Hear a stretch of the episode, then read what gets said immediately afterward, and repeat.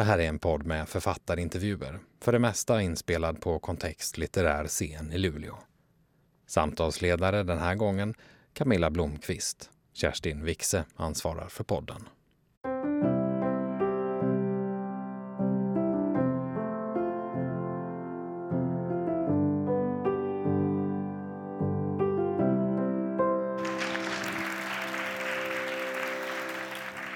Hej Daniel!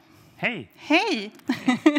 Vad roligt att ha dig här på Kontext och att få vara här tillsammans med dig.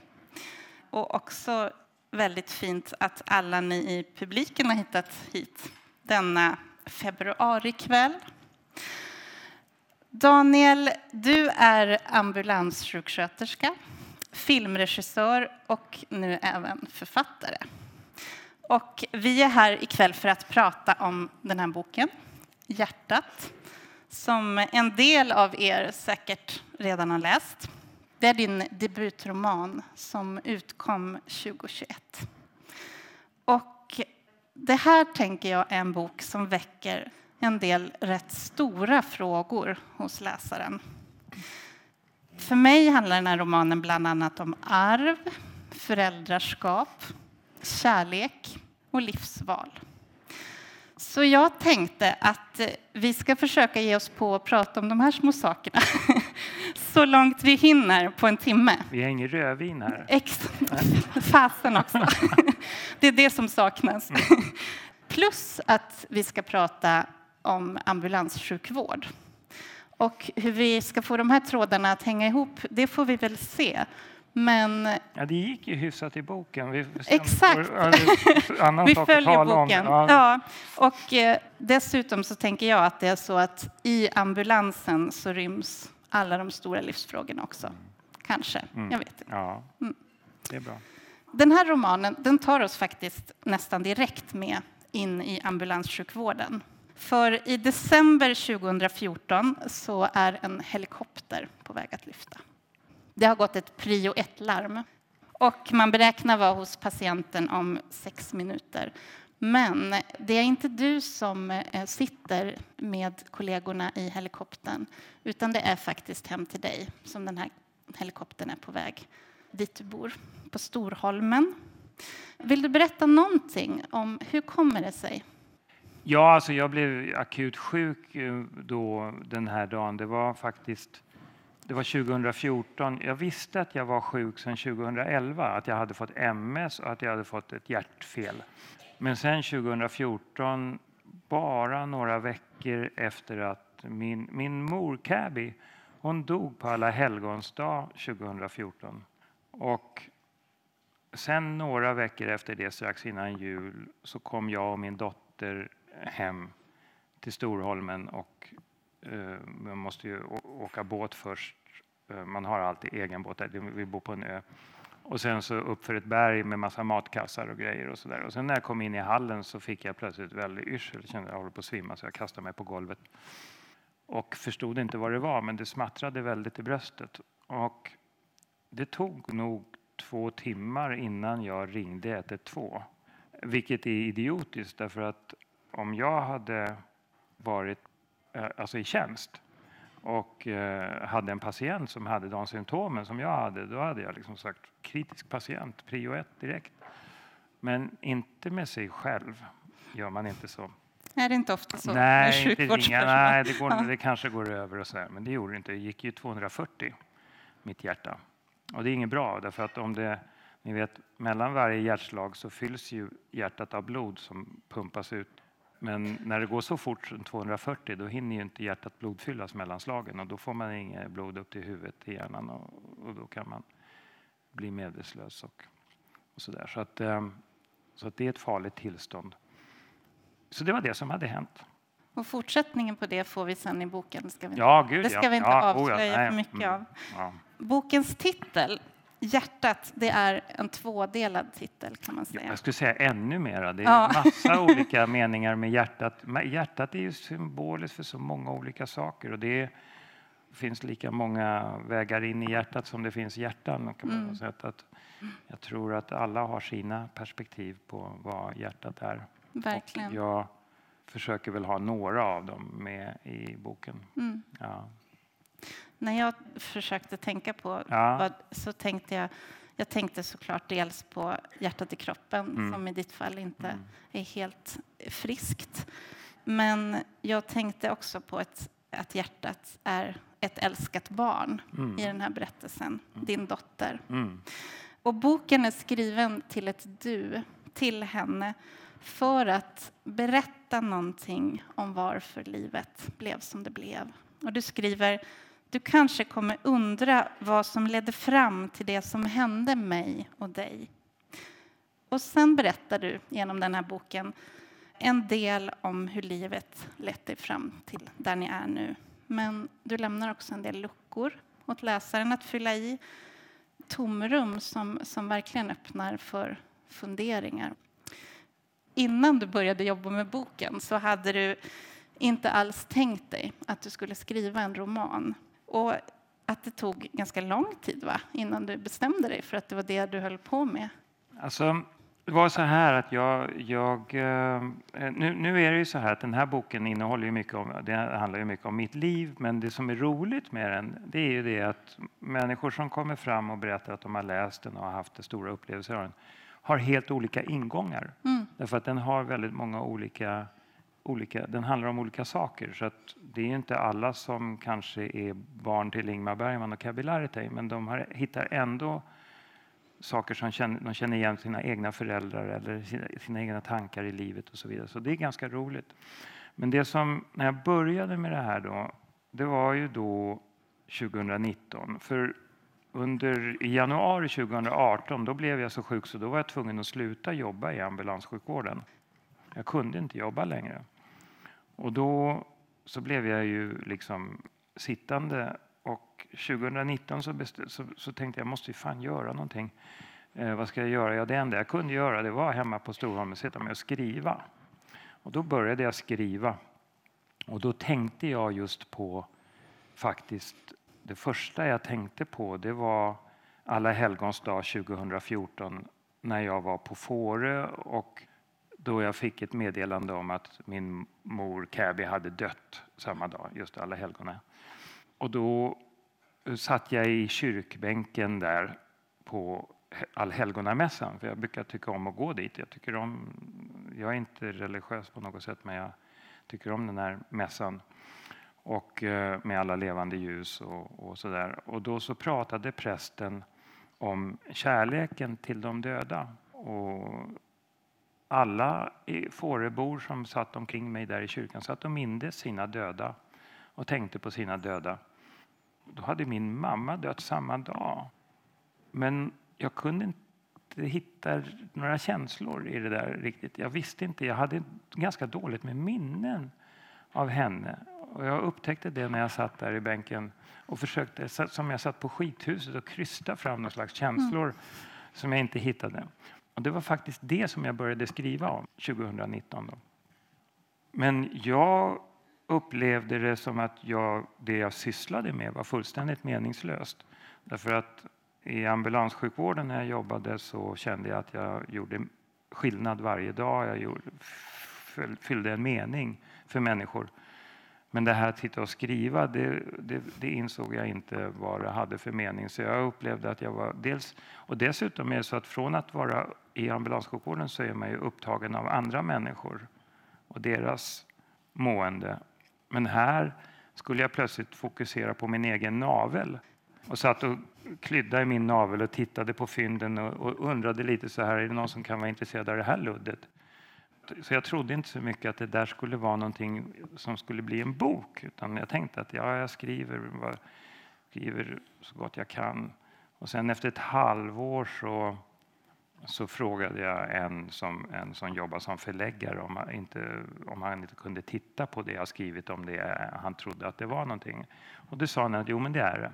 Och jag sa, men du kommer inte att få ge ut den här. Nej, nej, nej, sa han. Men jag är väldigt intresserad av att följa jobbet. Och så gick det ett halvår till och jag skrev på.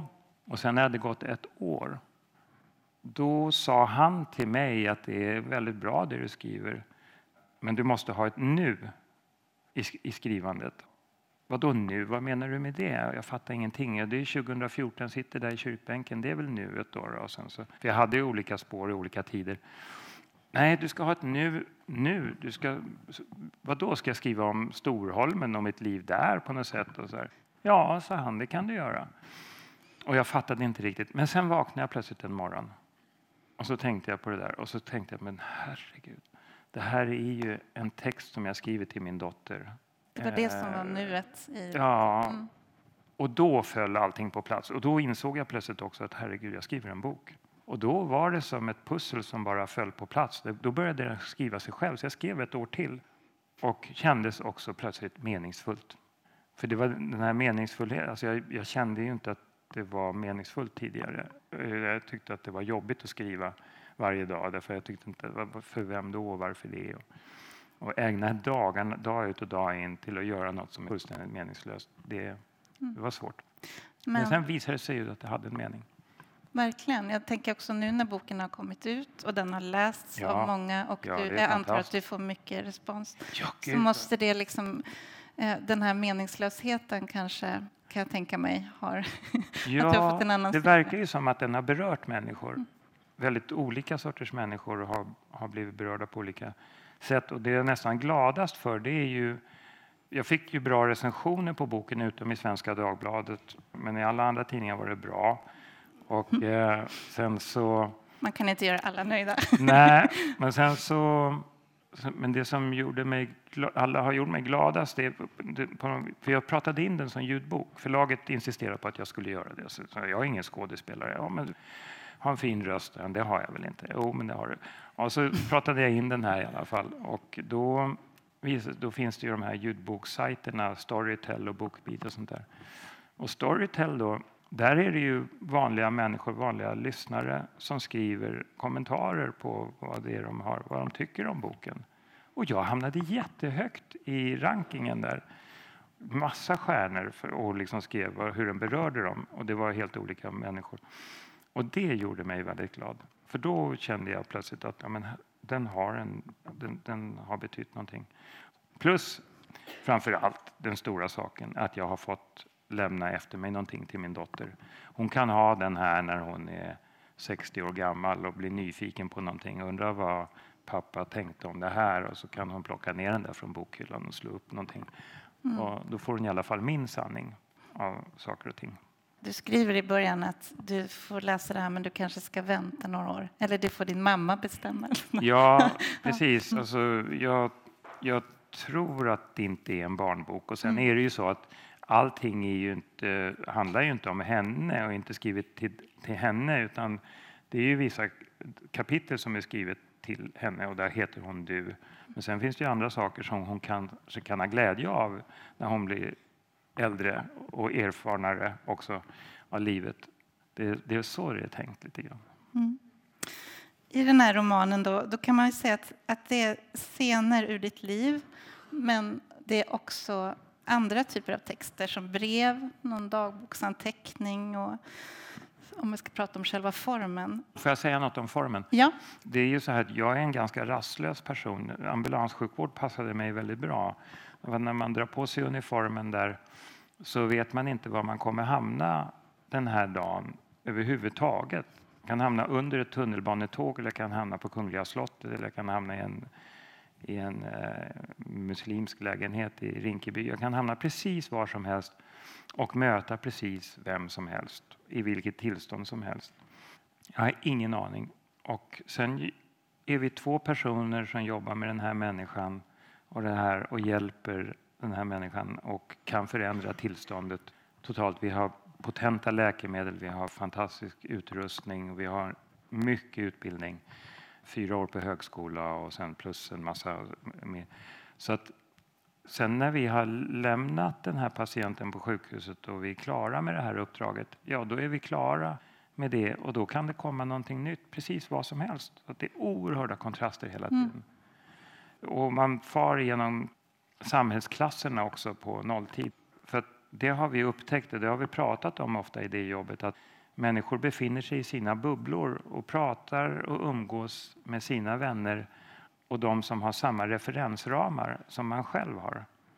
Men vi hoppar ju mellan olika människor som aldrig skulle mötas, men vi möter ju dem.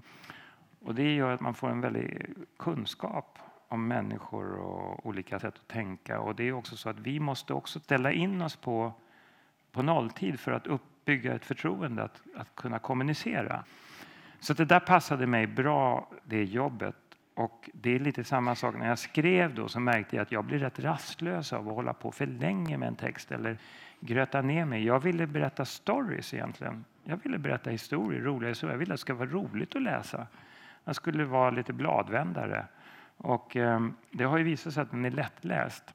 Och det är jag väldigt glad för. Och då har jag gjort så att den har blivit ganska hoppig boken mellan olika tider och den, den, rör sig i olika tidsspann och, den, och kastar sig hit och dit. Den följer ingen kontinuitet egentligen. Men känslomässigt följer den en kontinuitet.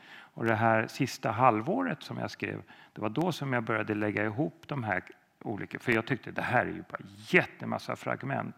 Det finns ingen sam, sammanhållning i det här. Och då började jag lägga pussel och då föll det på plats av sig själv. Mm. Och det, det är lite det som är formen av boken, att det är korta, korta kapitel hela tiden och de hoppar hit och dit. Men det är, liksom, det är mycket så som jag är.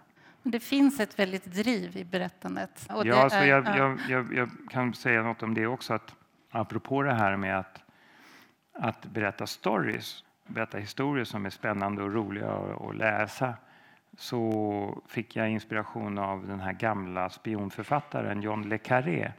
Jag tror han blev 92 år någonting innan han dog och han skrev ända in i kaklet. Och han sa ju då, en journalist som frågade honom att hur han gör för att fånga publiken. Så sa I just tell a story, sa John le Carré. Mm. Och sa, men vad är en story då? Well, you know, the cat sitting on the mat looking out the window is absolutely not a story.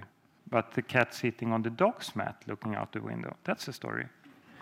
Och då tänkte jag hela tiden på det där. Är det här katten på hundens matta? Så att allting som jag skrev var tvungen att ha den, den digniteten. Mm. Och så blev det kul faktiskt. Tror du att du, för jag tänkte på något sätt att det är, liksom att det är klipp, nästan som i ja, film. Ja, tror du att du har haft nytta av dina kunskaper ja, i filmberättande? Jag tror det. Jag har aldrig tänkt på det, men jag tror att jag mm. har det. Att jag jobbade ju som filmregissör i, i många år. 86 började jag. Och sen höll jag ju på fram till 2000 med det jobbet och eh, gjorde långfilmer och kortfilmer och tv-serier och reklamfilmer och musikvideos och allt sånt där jag var aldrig någon duktig klippare egentligen som regissör. Jag var duktig på att jobba med skådespelarna men jag, och komponera bilder, men jag var ingen duktig. Jag, jag hade, mina filmer var ofta ganska sega. Boken är mm. lite rappare då, mm. så jag har väl lärt mig någonting där på vägen. Men jag tycker ju själv att den är alldeles för lång, 433 sidor. Jag höll ju på att smälla av när jag hörde att den skulle... och, och eh, alltså, förläggaren sa det, ja, det, det, så blir det. det. Och jag sa, men det är inte för långt, vi ska, kan vi inte korta, ta bort 100 sidor? Mm. Ja, vad ska vi ta bort tycker du, sa han. Jag vet inte, det är väl du som är förläggare, du måste väl veta. Och form är egentligen ganska, har alltid varit lite ointressant för mig. Därför att det är vad man har att säga som räknas. Mm. Och det visar sig ju nu när jag ska försöka skriva något nytt att jag har ingenting att säga längre. och, och, och det, Det är inte så lätt. Är, är, du säker på det? Det kanske kommer? Jag kanske mm. har det, men jag, jag, tycker inte själv att... Um, mm. Jag känner mig precis i samma läge som i början på det där. Att vad håller jag på med? Mm. Du, eh, en del av den här romanen den handlar ju om din uppväxt. Och precis i starten av boken då finns en dagboksanteckning från 1962. Ja, det var Cabis. Alltså jag, det var, var bara, jag, var späd, eller jag skulle födas det året. Ja, men precis. Ja. Eh, din mamma var ja. då, som du sa, pianisten ja. Cabby ja. ja pappa Ingmar Bergman. Cabby skriver att hon tror att hon är med barn och att ett barn vore det bästa som kunde hända dem, alltså henne och Ingmar. Hon hade ju rätt om graviditeten. Du föds senare samma år. Och dina föräldrar vid den här tiden de är båda yrkesutövande konstnärer. Och när man läser fortsättningen av boken då blir det ju ganska tydligt att egentligen så kanske det inte fanns så väldigt mycket utrymme för ett barn i deras liv. Nej, inte precis. Nej, under den här Nej. Vad tänker du kring att hon formulerade sig så? Att ett barn är det bästa som kan hända dem? Nej, men hon trodde väl det då. Och eh, det, var väl så att eh, jag tror att mina föräldrar blev nog egentligen inte så kära i varandra, men de blev kära i varandras yrkesutövning. De beundrade varandra som konstnärer väldigt mycket. Väldigt mycket. Och jag vet att Käbi lärde ju Ingmar oerhört mycket om musik. Han läste ju partitur och, och han kunde ju läsa noter och, och hon instruerade ju honom hur hon tolkade de olika kompositörerna hon jobbade och så vidare. Så att han lärde sig jättemycket och hon beundrade väl hans framgångar som filmregissör och och teaterregissör och framförallt så hade de väl mycket samtal med varandra, att, att de upplevde någon slags jämlikhet i sina samtal. För de visste ju också det här att vad det innebar att vara självuppoffrande konstnär då, att det var egentligen bara arbetet som var det, var det enda viktigaste. Det var det viktigaste. Och det där har jag ju tänkt på många, för det är ganska många som sitter och, ja, vilka hemska föräldrar du hade och vad, vad, vad de var egoistiska och, och så vidare. Och jag håller inte alls med om det. Det finns väldigt många, framförallt män, som har skitit fullständigt i sina barn och begravt sig i arbete genom generationerna. Och jag tror att har man haft pengar så har man ju försökt skyffla undan barnen på, på barnsköterskor eh, sedan lång tid tillbaka. Så att det här att, att bry sig om sina barn, det är ganska nytt påfund egentligen. Mm. Så att jag, jag vill inte döma ut mina föräldrar på något sätt, utan det jag redogör för i boken är ju olika skeenden bara. Och att jag har kommit till en annan insikt när det gäller kärlek till min dotter. Och det, eh, det är ju någonting som jag har fått lära mig som inte jag hade automatiskt, men som, som jag fick lära mig att, att det handlar om att, att vara tillsammans. Är man tillsammans och ska jobba med att få på den här, uniform, det, den här eh, overallen då Mm. i Beverly innan skolan börjar och dottern gör fruktansvärt motstånd och skriker. Och så där. Jag menar, då börjar kärleken infinna sig så småningom. Alltså inte av just den incidenten, men, men, men, Bland annat. men, ja. men det här att man är tillsammans, att man hela tiden då är det, då, då växer sig kärleken starkare och starkare. Och så är det. Mm. Alltså just att barn har egna känslor och behov är ju på sätt och vis också ett ganska nytt Ja, är, visst. Men eh, du föds alltså 1962. Barn och djur har vi upptäckt har Ja, känslor. verkligen. Både, både barn och djur. Det firas... jag, jag tycker, jag, alltså, det Mm. finns ju många som har skrivit böcker där de har kastat skit på sina föräldrar. Mm. Och det gillar inte jag. Eh, därför att man kan inte skylla sitt liv på... Man kan inte skylla sina egna tillkortakommanden på sina, sin bakgrund. Men däremot kan man medvetandegöra saker och ting som kanske inte var 100% toppen för mig som barn. Och då kanske jag kan hantera det sen. Eh, Så det handlar nog mer om det, att försöka medvetandegöra.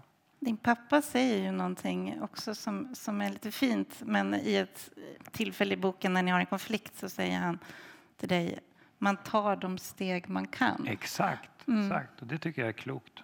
Men han skriver också i sin självbiografi i början där att om, när, om, om äktenskapet med Cabby och att det blev barn och sådär. Och då skriver han att och regissören regisserade och pianisten for på turné och barnet anförtroddes kompetent kraft.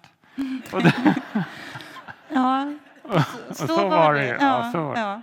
Han, är, det- finns Han försöker slags... ju till och med sälja mig, Mm. eh, eller liksom åtminstone hyra ut. Därför att han, eh, jag hade ju en barnsköterska som, när jag var liten som hette Silja. Jag har skrivit om henne. Mm.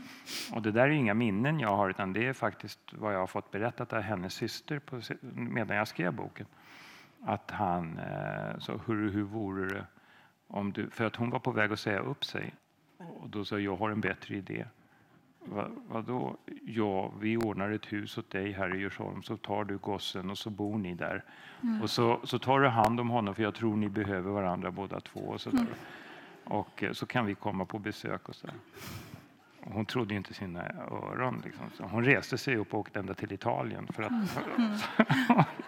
och det här, du, du skriver om det här. Det är, det är en ganska o, obehaglig scen i kontoret på sätt och vis tycker jag. När han, Tycker du det? Ja, när Ja. Han, men om man försöker då tänka Ja, det här var den tiden och så där. Vad, vad tror du att han egentligen, liksom, varför kom det här förslaget till henne? Nej, men jag tror faktiskt Mm. att han, han var klok, tycker jag.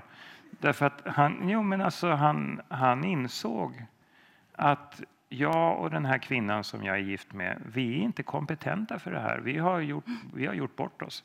Vi har skaffat ett barn och det var, vi kan ju inte ta hand om det. Och här är plötsligt en människa som har den här Silja, då, barnsköterskan från Finland, hon har kapacitet till kärlek på riktigt. För hon älskade mig väldigt mycket och gav väldigt mycket av sin kärlek. Och han förstod väl redan då, kanske på något vis, att spädbarn behöver kärlek och försökte Och att, lösa ja, det. så att jag tror han försökte lösa nöten bara helt enkelt. Att göra det bästa för alla. Och jag, jag tycker det är ganska insiktsfullt på 60, början på 60-talet. Faktiskt. Silja, hon hade ju svårt att glömma, den här, glömma dig. Hon hörde av sig flera hon, gånger. Ja, gud Ja. ja. Hon skrev ju brev hela tiden när jag var vuxen och så där. Jag kommer ju inte ihåg henne. Och jag tyckte det var jobbigt med den här människan som hela tiden skickade brev och berättade om sig själv och sånt där. Så jag, jag, jag skrev faktiskt tillbaka att skriv inte till mig något mera för jag, jag har inget med... Men sen, och sen försvann ju de här breven och tänkte då var ju hon död då. Men sen var det ju så lustigt att medan jag sk- börjat skriva den här boken 2019 så fick jag plötsligt ett brev från hennes syster då med en lapp med en dikt som Ingmar hade skrivit och gett till henne. Det var en liten juldikt som han skrev till henne. Och, då, och jag tänkte bara så här, men vad i helvete är det frågan? Varför skickar folk lappar som Ingmar har skrivit till mig? Alltså det är många Tjatigt. som har hållit på. Han skrev massa lappar till folk. Och då har folk skickat det till mig och trott att jag ska tycka det är roligt. Det tycker jag inte. Men då skrev den här systern som heter Sirka att Silja alltid hade pratat om mig ända till döddagar. Och även på dödsbädden så hade hon berättat någonting för henne. Men det kanske inte du vill veta. Och då tänkte jag, ja men det vill jag ju. Eh, så att jag ringde ju henne och då var hon väldigt försiktig och sa att ja, det är inte säkert att det här är... Jo, men berätta. Och då berättade hon det här om hur Ingmar försökte lisa ut mig. Och eh, jag tyckte det är ju, som man säger, Hollywood never kill a good story. Så att jag visste inte om det var sant eller inte, men jag tänkte det är perfekt i boken. Verkligen. Det var ju så lustigt att hon ringer precis när jag håller på och skriver den här boken. Det är också en väldig liksom, berättelse om klass på något sätt. Silja var för detta krigsbarn. Ja, precis. Ja. Ja. precis. Hon var ju bortlämnad till svenskarna då under kriget. Mm. Men hon hade kommit tillbaka till sina föräldrar. Men hon tänkte ju där eh, när, eh, när hon fick det här förslaget på att ta över ungen. Men det är ju inte ens krig. Nej. vad, vad, vad, vad, vad, vad menar han? Därför att hon Ja. var ju barnkär. Hon fick ju fyra egna barn sen. Ja. Eh, Efter att Silja har lämnat hemmet så tas du om hand av en rad barnsköterskor. Mm. Och jag tänker att du Jag blev beskriver... kär i varenda en. Ja. Det blev ja, det. ja. Ja, Sen jag försvann de bara. Ja. eh, men det, på något sätt så tänker jag att det här är en tillvaro också där, där avstånden i hemmet känns väldigt stora, tänker jag när jag läser. Att det är både liksom det känslomässiga avståndet till föräldrarna. Ja, men jag får liksom bilder av långa, Långa korridorer. Ja, ja, och längst borta är mammas rum Mm, och dit ska man inte gå och störa Nej. i onödan. Nej. Jag tänker samtidigt att, att det du skriver också är igenkännbart för många, tror jag, Ja, oavsett exakt. familjebakgrund. Ja. För att på något sätt så handlar det om hur barn är beroende av sina föräldrar och barnets utsatthet när det lämnas Mm. åt sig själv. Hur, hur har det påverkat dig? Alltså du sa att du började skriva det här för att på något sätt försöka förstå. Varför sitter jag på högmässan och känner ingenting? Mm. Eh, Men har det, har det påverkat dig på något sätt, skrivandet, när du har gått tillbaka till Jag de här vet sakerna? Mm. inte, det är svårt att säga sådär. Jag tittar inte på mig själv utifrån på det sättet. Men jag kan, jag kan, jag kan väl säga någonting, fast det tycker jag redan när jag gick i terapi när jag var i 30-årsåldern. Att jag successivt började förstå att mina föräldrar är inte bara föräldrar utan de är människor också. Mm. Och ehm, de har nog gjort så gott de har kunnat. Och den känslan och tanken tycker jag förstärks när jag har skrivit boken. Och man får inte glömma, det finns ju ett kapitel, ett avsnitt i boken, i mitten av boken, där jag sitter, då, då är jag i 30-årsåldern och sitter och, just för att jag går i terapi, och så sitter jag och pratar med min med Cabby. Och plötsligt så hör jag mig själv säga att du ska veta det att jag hatar faktiskt dig. Och det är ju en ganska stor sak att säga till sin mamma. Och, men då får man komma ihåg då nu när jag skriver det där, för det här är ju vad jag minns då, att jag sa och också vad hon svarade i den dialogen vi har där som följer på det. Men då får man komma ihåg att minnet är ju minnet förändras ju hela tiden och minnet är ju inte att lita på. Och här är det ju faktiskt så att jag har skrivit hennes repliker. Och där tar jag henne i försvar. Hon får hålla försvarstal lite grann. Mm, hon svarar på sätt och vis ganska Hon pratar klokt. jätteklokt. Ja. Och hon var väldigt klok. Och, och jag, så minns jag faktiskt att hon svarade. Hon säger någonting som, som du- återkommer till sen i boken. Jag nu kommer jag inte ihåg ordagrant, men att, att om du går och bär på det här hatet Ja, om du, så kommer kommer det att på skada dig. dig. Ja, det kommer ja. skada dig. Ja. Att hata Daniel, det kommer att göra dig sjuk. Mm. Så det måste du sluta med. Sen blev jag ju sjuk, men jag har inte gått och hatat i mitt liv. Jag har faktiskt varit ganska kärleksfull. Men det, Men- det, och det är också en grej, för jag har faktiskt kapacitet till väldigt mycket kärlek. Och det, då måste jag ju ha fått det någonstans ifrån.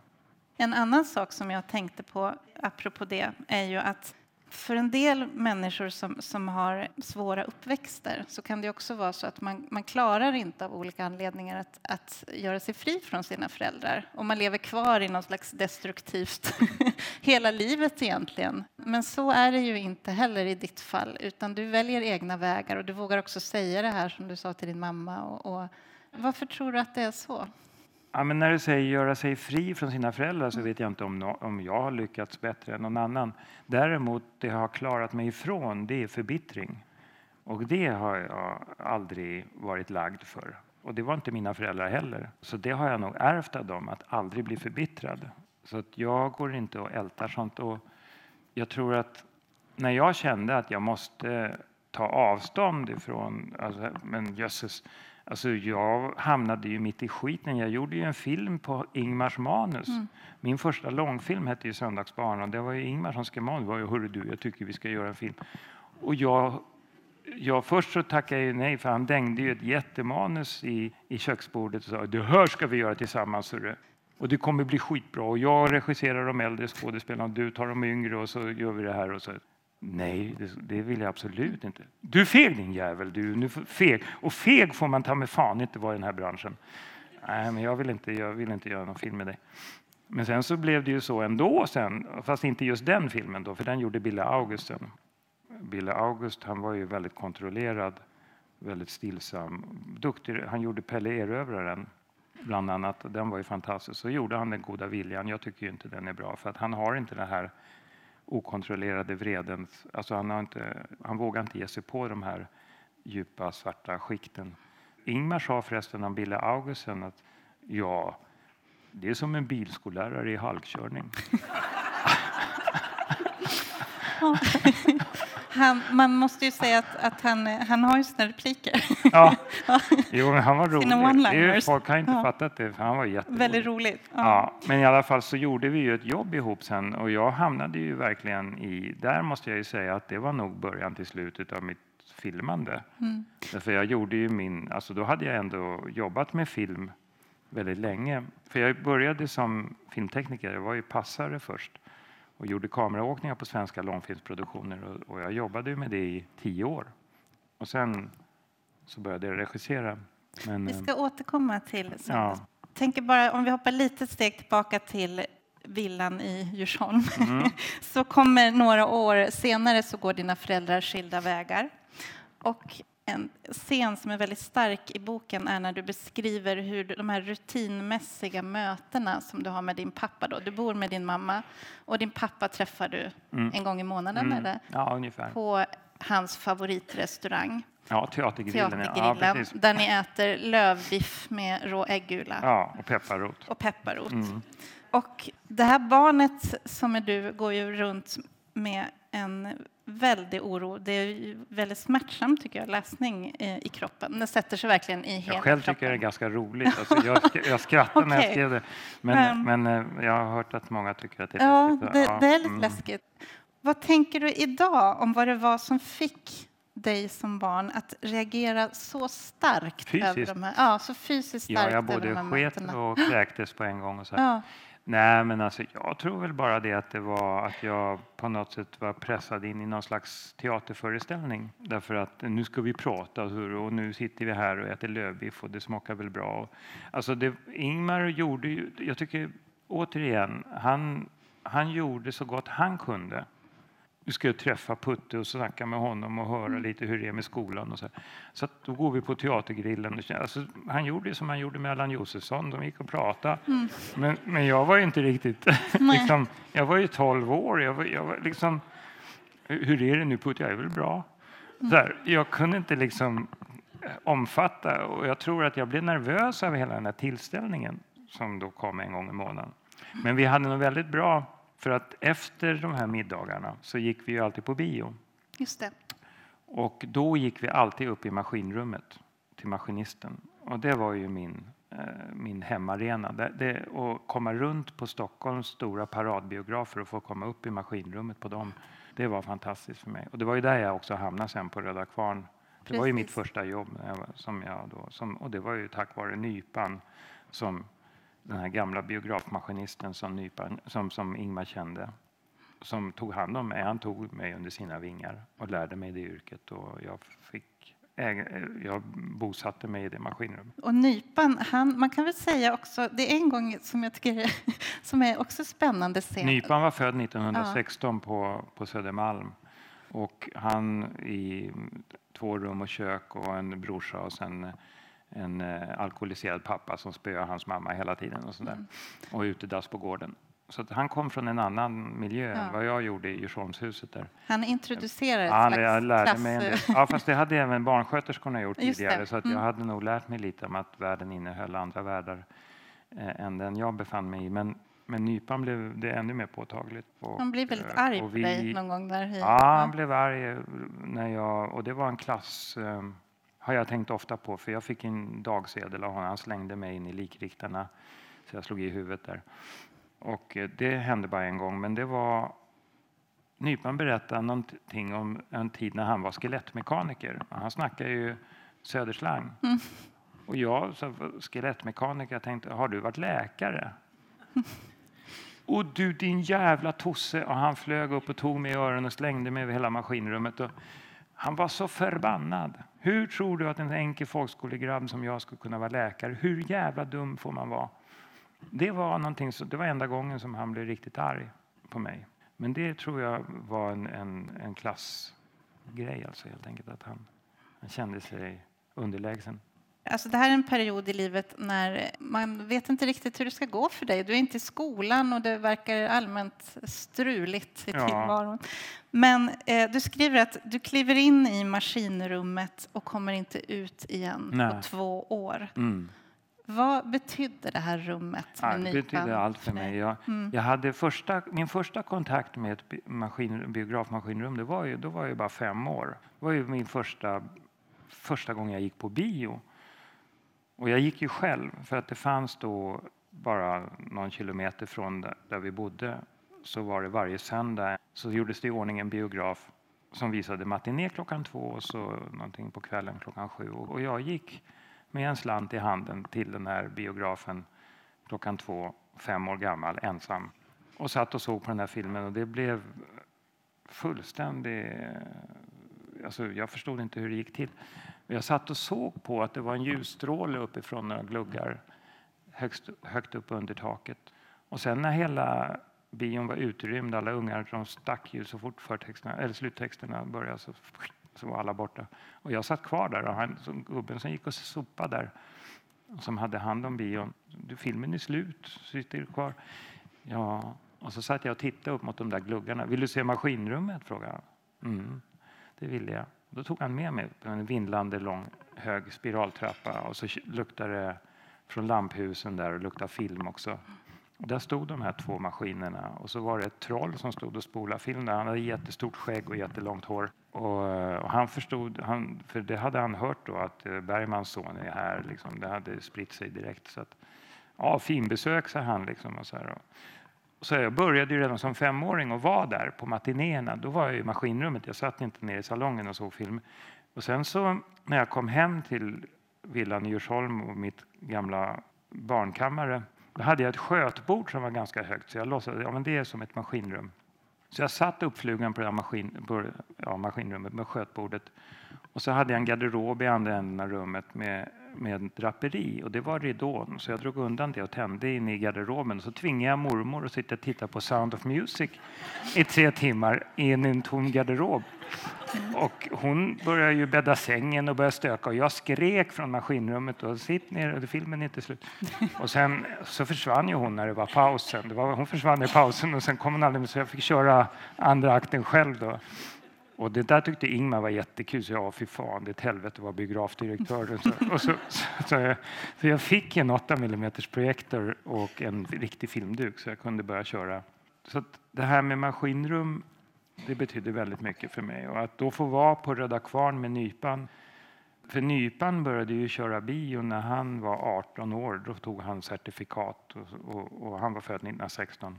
Men när jag träffade honom, det var ju 1974, då hade han ju kört bio hela sitt liv på alla Stockholms paradbiografer. Och att få vara med honom i maskinrummet varje dag och så jobba med det här, det var fantastiskt. Från maskinrummet så blir du som ung vuxen kamerapassare mm. under filminspelningar mm. och sen börjar du så småningom regissera. Ja, alltså jag jobbade ju som passare då i, och då ansvarar man ju för kameraposition på filminspelningarna. Man ansvarar för stativ och plattformar och kranar och åkvagnar och, och så vidare. Och jag hade även där en mentor som var den som tog mig under sina vingar redan som 15-åring. För han jobbade med en av Ingmars filmer nämligen, som heter Höstsonaten. Och den gjordes i Norge och det var med Ingrid Bergman och Liv Ullman. Och den inspelningen fick jag jobba på. Då var jag med, med den här killen som var passare hela tiden som hans assistent. Och sen tog han med mig som assistent på sina filmer. Som han, han var ju frilansare, han jobbade på olika produktioner och tog med mig. För han var fena på kameraåkningar och det fick jag lära mig. Och började sen bli anlitad själv så småningom som passare.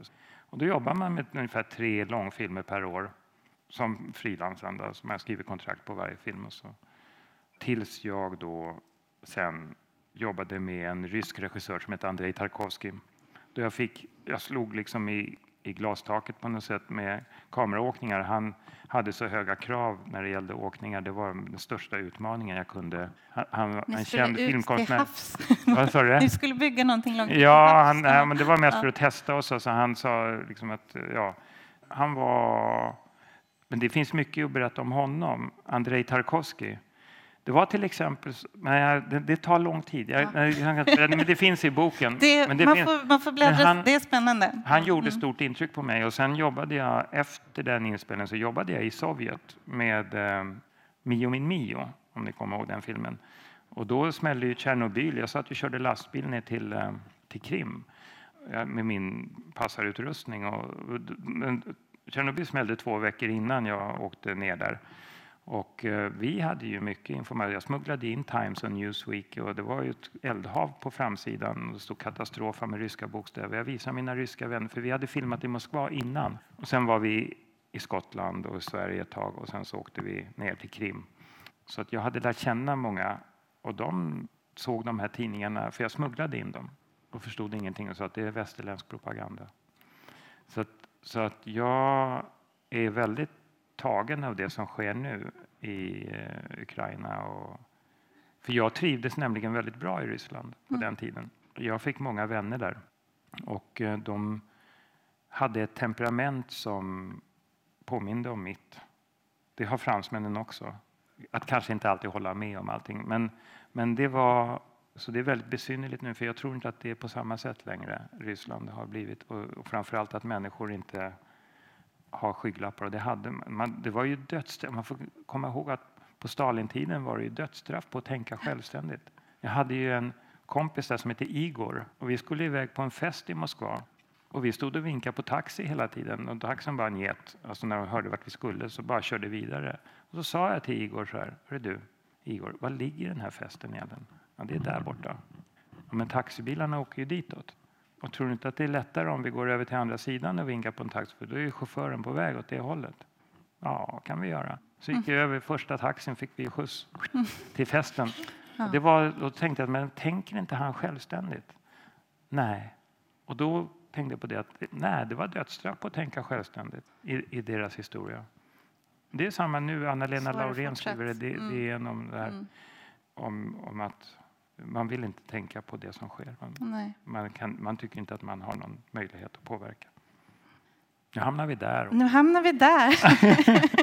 jag ska dra... Nej, men jag, det var, du var inne på att jag började regissera, men det gjorde Ja. jag sen då, efter Mm. åt- 86. Då, sen så, och det var Käbi som hade skrivit en, en novell som hette Ägget. Men hon skrev, ju, hon skrev ju bra, hon skrev ju novellsamlingar och sånt där. Och i en av hennes novellsamlingar så fanns den här Ägget. Och då läste jag den och den gjorde starkt intryck och jag tänkte att det här kanske är en film. Och så att jag skrev ett manus på den då. Mm. Och sen började jag försöka finansiera det då. Och då tror ju många så att ja, Ingmar Bergmans son, det är inga problem att få pengar för att göra en film. Men det kan jag säga att det var visst problem. Det tog, tog ett år och det var, alla filmbranschen i Sverige kände mig som en duktig passare. Så jag fick ju jobb som det, men att sen börja regissera var ju ingen som trodde att jag kunde. Och det, framförallt inte det här konstiga manuset. Jag fick ju till slut 300 000 för att göra den här. Det var jag, tack vare mycket att jag hade Pernilla August, hon hette inte August då, hon hette Östergren, eh, att hon ville göra huvudrollen. Och att jag fick med henne. Och då var jag 24 och så gjorde jag den. Och sen kom den till Berlin filmfestival som, i tävlan. De plockade ut den till tävlan. Och då vaknade svenska filmbranschen och tänkte men det är någonting med den här killen. För alla tyckte filmen var jättekonstig. Men, men det var uppenbarligen konstnärligt då på något sätt. Så att, och då fick jag anbud att göra andra grejer. Då fick jag jobba med Astrid Lindgren och så här, och göra ja, Kajsa Kavat. Kajsa Kavat mm. och så här. Men man kan väl säga att det stora eh, regigenombrottet kanske kom med, eller kan man säga så? Ja. Ja, jag vet inte. Jag, det, Du hade ja, gjort det var väl det som, grejer ja, innan. man kan säga att namnet Bergman är ju nästan toxiskt på så sätt att när jag sen hade gjort Söndagsbarn så den såldes ju över hela världen. Jag forslades runt då för att göra PR för filmen överallt i hela världen. Och eh, fick stå i mål för namnet Bergman överallt, Mm. som om jag hade någon aning. Men eh, och det, var, det var inget bra, så det, det, det mådde jag inget bra av. Och det var nog så det, att lusten för att göra film började rinna ur mig. Fast jag slutade ju långt senare. Just det. Mm. Men du beskriver den här resan med filmen som, Mm. som rätt plågsam. Och det, finns också, det finns ett kapitel i boken som heter Mr Bergman. Ja, Eh, och det handlar om hur, det, hur du under den här tiden ofta definieras utifrån din pappa. ja. Vad tänkte du om ditt eget skapande? Nej, men jag Mm. tänkte väl inte att det var värt någonting då. Alltså, Jag kunde ju inte se att jag själv hade så mycket att komma med. eh, Eller jag, jag tyckte ju det. Jag tyckte ju att jag var duktig och jag fick ju anbud på att göra grejer. Men det här att namnet Bergman satt i världen över mig på något sätt hela tiden. Jag fick ju eh, amerikansk agent, jag fick ju massa anbud från USA som jag bara skickade tillbaka. Jag fick ju fantastiska manus och min agent trodde ju att, bara att jag var superbegåvad att jag skickade tillbaka det manuset för de är ju inte kloka i USA för de tror ju att när man tackar nej till... Alltså, jag hamnade i en position som alla strävar efter att hamna på där man får de här främsta manuskripten till, tillsända sig. Och jag bara nonchalerar dem, därför att jag trodde inte på mig själv. Jag, men jag tänkte aldrig så, utan jag tänkte att nej, det här är för mycket dialog, till exempel. Too much dialogue, skicka tillbaka. Det var Jane Austen, alltså Sense and Sensibility. Jag menar, de måste ju undra, och så skickar de nya manus ändå. Så att, eh, det var ju jättekonstigt. Men Det finns en scen i, i boken när den här sammanflätningen mellan din uppväxt och ditt eget konstnärskap liksom ställs på sin spets. Jag tänker på den här filmvisningen i, i, i Venedig, Söndagsbarn. Vill du Ja. berätta, vad var det som hände? Nej, men det, det var bara, jag har ju med det i boken. Det, det var ju, alltså jag var, jag var ju i tävlan i Venedig, i, i, eller utanför tävlan i, i kritikersektionen där. Jag fick ju eh, kritikerpriset det året. Men då visas ju filmerna i festivalpalatset och det är under filmfestivalen i Venedig som är en sån stor A-festival med alla möjliga människor. Och, och ehm, jag var inte ett ont anande.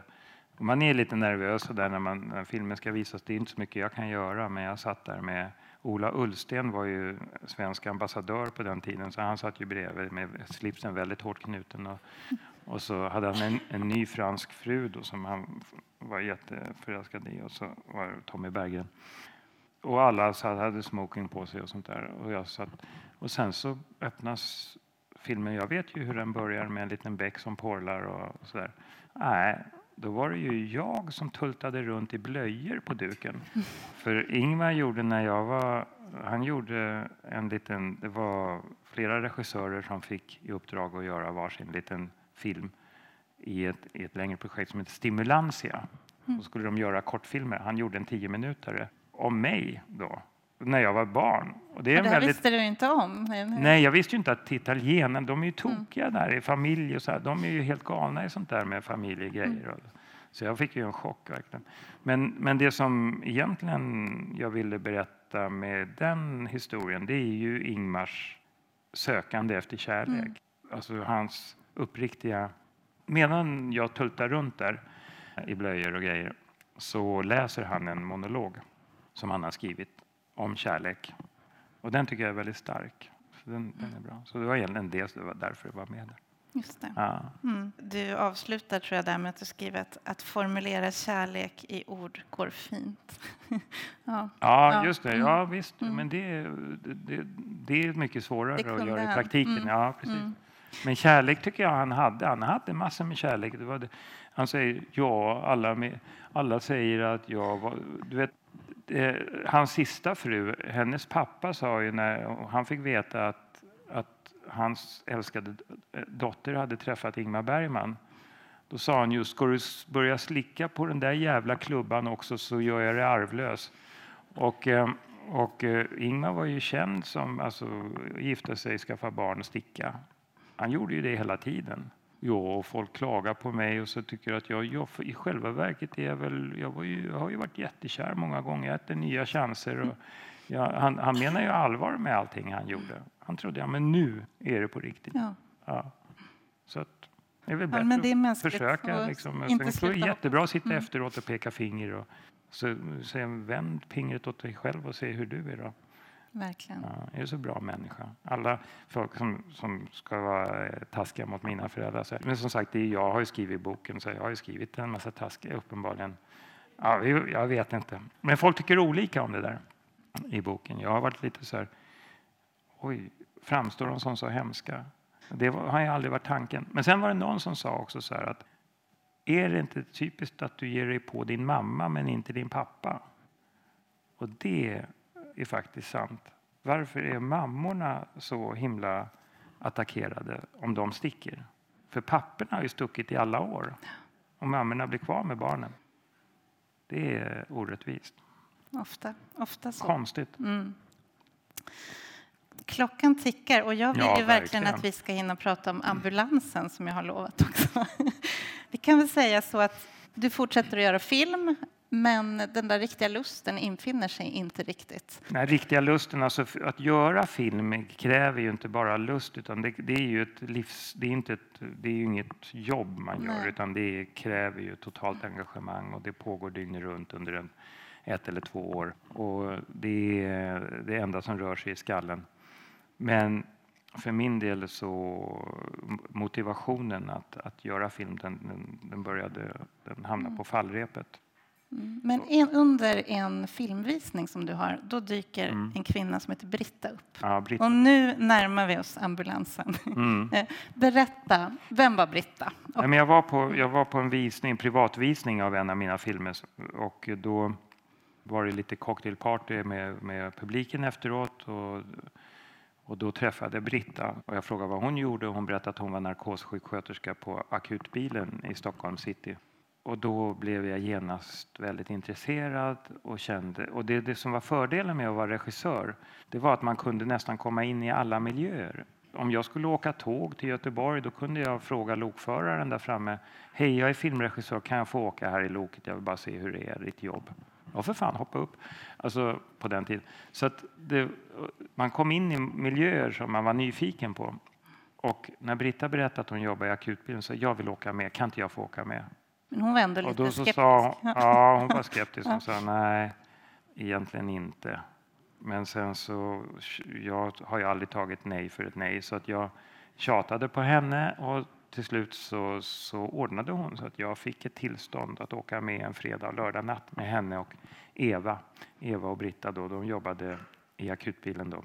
Och akutbilen fungerade så att på den tiden, det här var ju slutet på 90-talet, på den tiden så var ambulanssjukvårdarna, då var det inga sjuksköterskor i ambulansen, utan då var det undersköterskor som hade en vidareutbildning som ambulanssjukvårdare.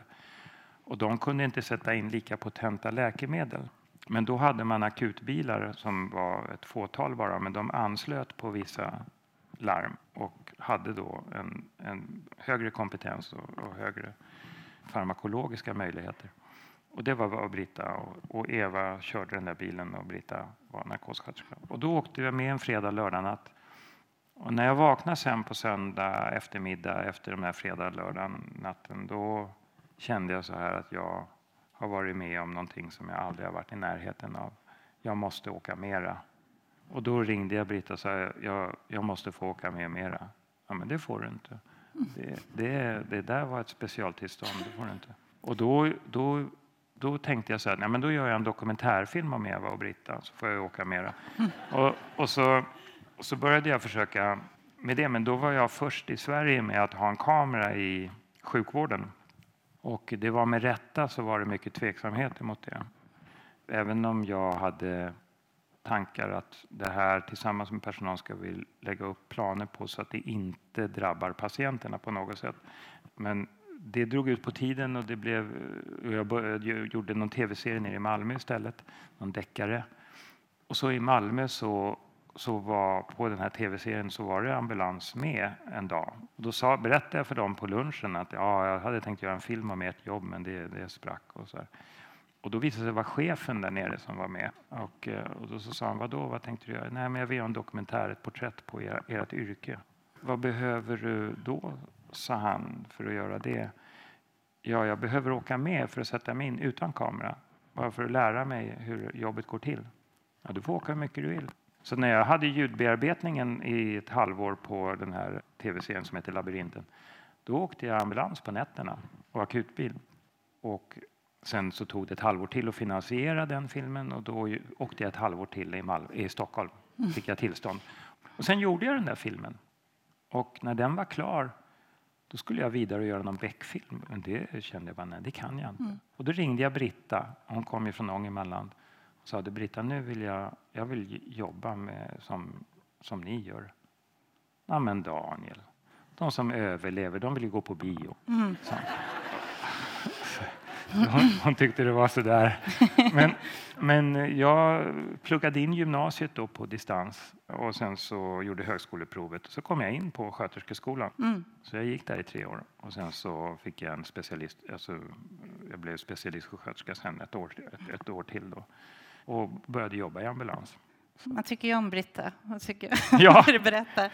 Va, vad är det som du möter i ambulansen som gör att du, att du känner så starkt att du vill stanna där? Ja, jag möter framförallt inga fasader. Och jag har ju väldigt svårt för masker och fasader. Och jag, blir, jag, tycker, jag, jag möter det som faktiskt betyder någonting här och nu. Det, är, det finns inte utrymme för att hålla på med massa glosor och artigheter och grejer runt omkring utan det handlar om ett möte mellan två människor och det handlar om att få till det till förtroendet mellan de här två så bra som möjligt. Det där tror jag att jag blev bra på. Att eh, möta människor i alla, och det är ju inte alla som är så himla trevliga utan somliga blir ju aggressiva. När man är rädd så kan man ju bli aggressiv. Och det finns ju många situationer jag har hamnat i men, men jag, jag tycker att jag är bra på det som behövs i det där yrket. Att, att just att ställa om beroende på vad, vilken situation man hamnar i och anpassa sig utifrån det och så hitta vägar framåt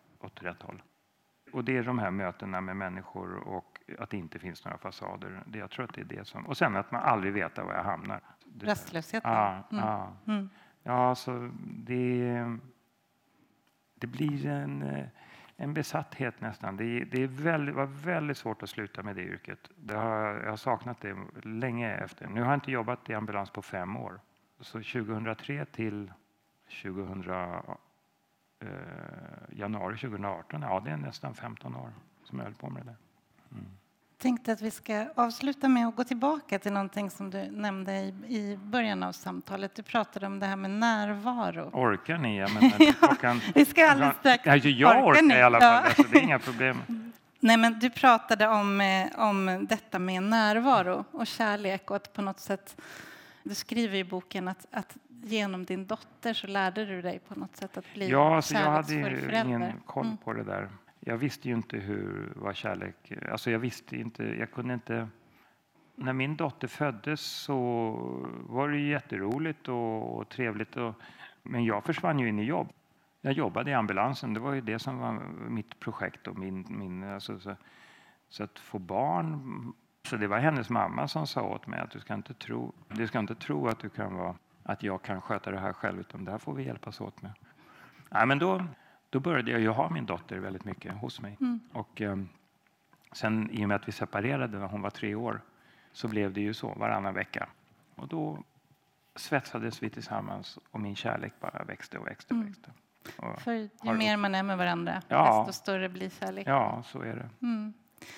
Jag tänkte att vi ska avsluta idag med att du ska få läsa ett kort stycke som handlar om... Du har flera sådana här fina vardagliga scener mellan dig och Vad din bra. dotter. Ja. Men jag, visste, jag tänkte att vi ska läsa ett sånt där som verkligen handlar om närvaro i vardagen. Det är sidan 315-316 här. Då ska vi se. Älsklingsväder. Mörkt, regn och kuling. Igår var det alla helgons dag 2020 och vi har inte kunnat resa till Fårö i år. Istället för Fårö kyrka går vi och käkar sukiyaki på Samurai. I bilen spelar vi The Sukiyaki Syndrome om och om igen. Vi diggar Povel. Jag berättar om när jag jobbade med honom på Berns i början av 80-talet. De regnvåta Östermalmsgatorna ligger virustomma i vindbyarna. Den nu stängda men ändå upplysta Maximteatern ruvar ödsligt en stenkast från restaurangen. Jag hemfaller åt nostalgi igen. Samma klockslag, lördag för 39 år sedan, så var det fullt med folk samlade före kvällsföreställningarna Spök med Björn Skifs. Vi hade haft fullsatt matiné, för jag jobbade på Berns och på... Eh, det har jag inte berättat om. Vi hade haft fullsatt matiné även på eftermiddagen. På vardagarna var det inspelning av Fanny och Alexander till klockan 17 prick. Din farfar var unik som alltid hann med dagens inspelningsprogram utan övertid. 19.30 gick ridån upp på Maxim och 22.30 stod jag sen på min läktare högt under taket på Berns och lyste med min, en stor spotlight på Lasse Lönndahl och Jan Malmsjö där nere på scenen. Malmsjö sjöng Hör de spelar vår sång, jag hör de spelar vår sång. Samma dag hade han piskat Alexander med mattpiskan i rollen som den oskuldsfulle biskopen. Oj, säger du. Minns den filmen? Du gillade den redan när du var typ nio. Till sist hittar vi en parkeringsplats några hundra meter från restaurangen. Att skaffa ett handikapptillstånd har föresvävat mig men oftast klarar jag än så länge att gå kortare sträckor också på kvällen. Annars finns ju elsparkcyklarna. Ikväll är varje steg en kamp. Kroppen lyder inte. Jag går, men vingligt och stolpigt. Blir bekymrad men stretar på. Du tar på ditt ansvar att trösta. Men du tar ju långa steg pappa. Jag får ju ta två steg för varje steg du tar. Och du går ju fort. Din tröst gör ont, men det kunde ha varit värre. En kompis, han har Parkinson. I veckan var han också på restaurang med sin 33-åriga dotter. Efter ett toalettbesök kunde han plötsligt inte få på sig byxorna. Efter många fruktlösa försök var han tvungen att ringa dottern som väntade vid bordet för att be henne komma och hjälpa. Sen äter vi vår sukiyaki och pratar om allt och inget och skrattar och har det jättemysigt. Till efterrätten spelar vi Uno, ensamma kvar på restaurangen. Det blir ganska sent. När vi är tillbaka i bilen bestämmer vi oss för att åka och titta på stan i helgmörkret. Stan är så annorlunda på kvällen och du har nästan aldrig varit söder om city. På Skeppsholmen ser vi ljusen från Södermalm och den nya Guldbron vid Slussen. Vid hörnet Götgatan och Folkungagatan står två polisbussar med blåljus. De har prejat något bus. Jag längtar efter ambulansen. Du förstår det. Allt ditt illamående är borta, allt magont och all huvudvärk. Din mamma börjar ett nytt jobb imorgon och du klarar dig själv igen nu. På måndag och tisdag tänker du komma ut till Storis för att göra läxor och äta middag. Vi är så lyckliga. Hoppas vi också kan gå på restaurang tillsammans när du fyllt 33. Ja. Tack så mycket, Daniel Bergman. Mm. Du ville Är det komma slut nu? Ja. Nu är det slut.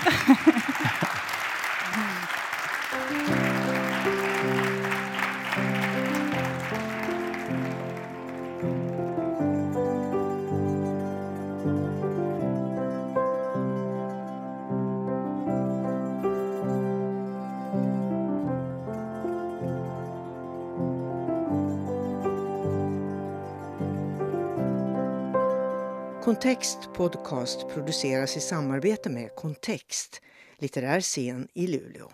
Författarscenen drivs med hjälp av Statens kulturråd och Luleå kommun.